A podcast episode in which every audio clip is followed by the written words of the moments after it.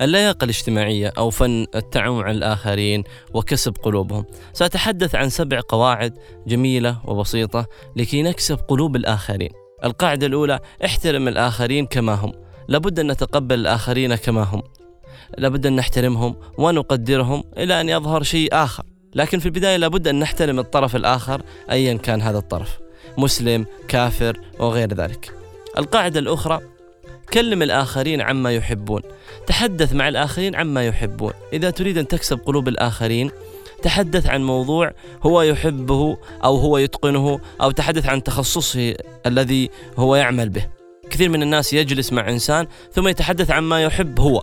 لن ينجذب لك الطرف الآخر. قد تشتكي من انصراف عينيه أو انصرافه أو انصراف جسده عنك.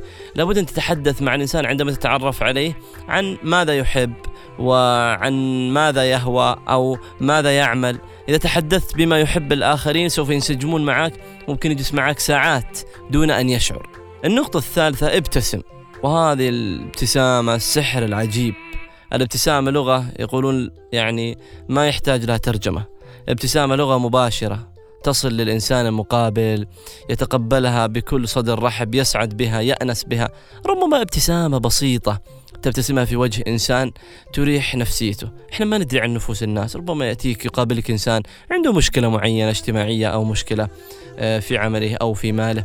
لكن مجرد ابتسامتك الساحرة ربما تضفي عليه جزء كبير من الراحة. وأيضا كما يقول الرسول عليه الصلاة والسلام تبسمك في وجه أخيك صدقة. ابتسم للجميع ابتسم للكل ابتسم لكل إنسان تقابله. القاعدة الرابعة أصغي إلى محدثك باهتمام.